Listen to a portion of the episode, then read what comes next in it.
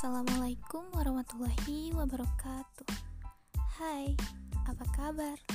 Selamat datang di podcast saya Dan salam kenal, saya Andini Mutiara Rahman Mahasiswi Pendidikan Biologi UIN Sunan Gunung Jati, Bandung Pada kesempatan kali ini, saya akan membahas mengenai teori evolusi Setiap berbicara perihal teori evolusi, tidak sedikit yang berpikiran bahwa teori ini erat kaitannya dengan Charles Darwin.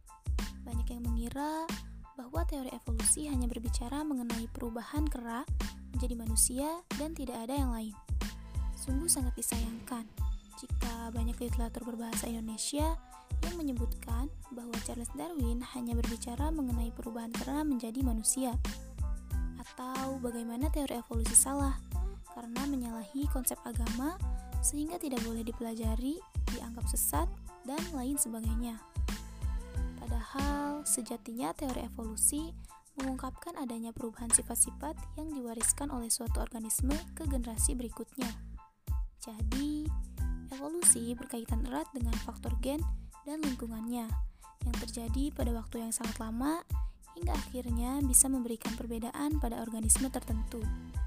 Selain itu, dalam paradigma biologi modern, evolusi menjadi ilmu yang sentral dalam bidang biologi.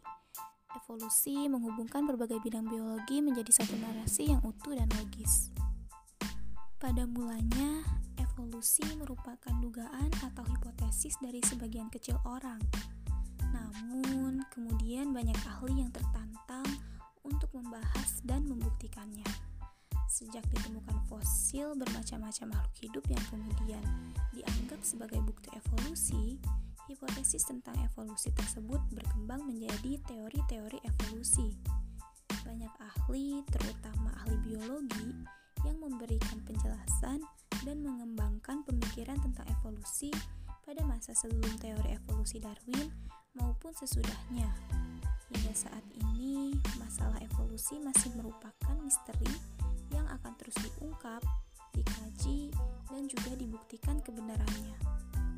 Lalu, apa bedanya antara evolusi dan teori evolusi? Evolusi adalah proses pewarisan sifat yang terjadi di alam, sedangkan teori evolusi adalah sebuah paradigma dan penjelasan mengenai evolusi. Teori evolusi berubah sepanjang waktu, mengikuti bukti penelitian yang ada.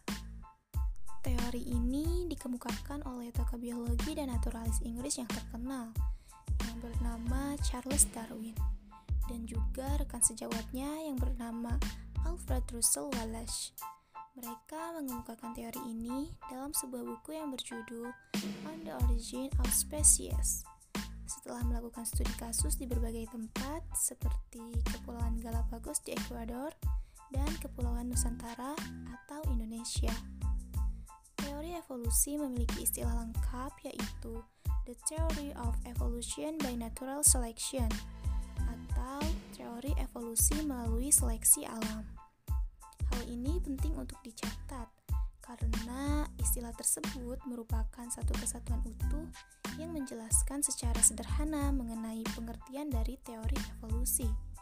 Secara singkat, teori evolusi ingin menjelaskan bahwa keanekaragaman hayati di bumi ini terjadi melalui proses yang panjang, perlahan, serta secara acak.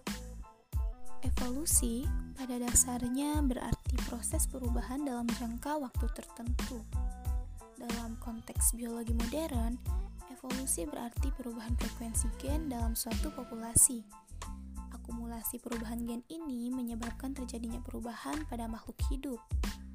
Meskipun teori evolusi selalu diasosiasikan dengan Charles Darwin, namun sebenarnya ide tentang teori evolusi telah berakar sejak zaman Aristoteles.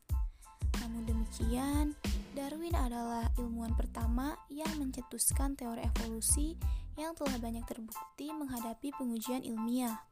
Sampai saat ini, teori Darwin tentang evolusi yang terjadi karena seleksi alam adalah teori yang terbaik teori evolusi Darwin ini lebih banyak diterima oleh orang pada umumnya daripada teori para ahli lainnya, karena didukung oleh banyak temuan yang mengarah pada pembenaran teori.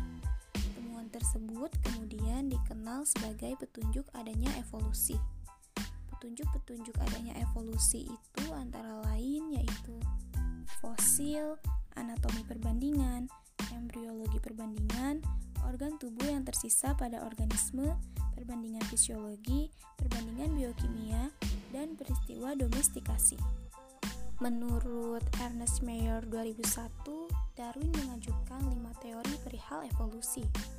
Lima teori tersebut antara lain yaitu sejak awal keberadaannya. Yang kedua, kesamaan leluhur bagi semua makhluk hidup. Yang ketiga, evolusi bersifat gradual atau berangsur-angsur. Yang keempat, terjadi pertambahan jumlah spesies dan percabangan garis keturunan. Dan yang kelima yaitu seleksi alam merupakan mekanisme evolusi. Evolusi yang terjadi di bumi ini terjadi secara keseluruhan, baik itu tumbuhan, binatang, dan manusia.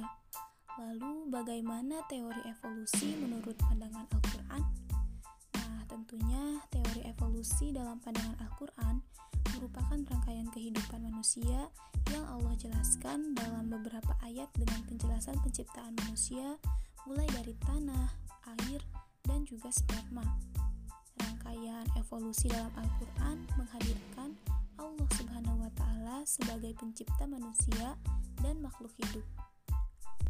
Terdapat perbedaan pandangan antara teori evolusi Barat dan Al-Quran teori evolusi barat, khususnya teori Darwin, menjelaskan bahwa manusia tercipta dan berasal dari induk yang sama dengan makhluk lain. Hal ini adalah titik perbedaannya, di mana di dalam Al-Quran dijelaskan bahwa manusia adalah Allah berasal dari keturunan Nabi Adam alaihissalam. Sekian mengenai teori evolusi pada podcast kali ini. Kurang lebihnya mohon maaf dan terima kasih sudah mau mendengarkan. Wassalamualaikum warahmatullahi wabarakatuh.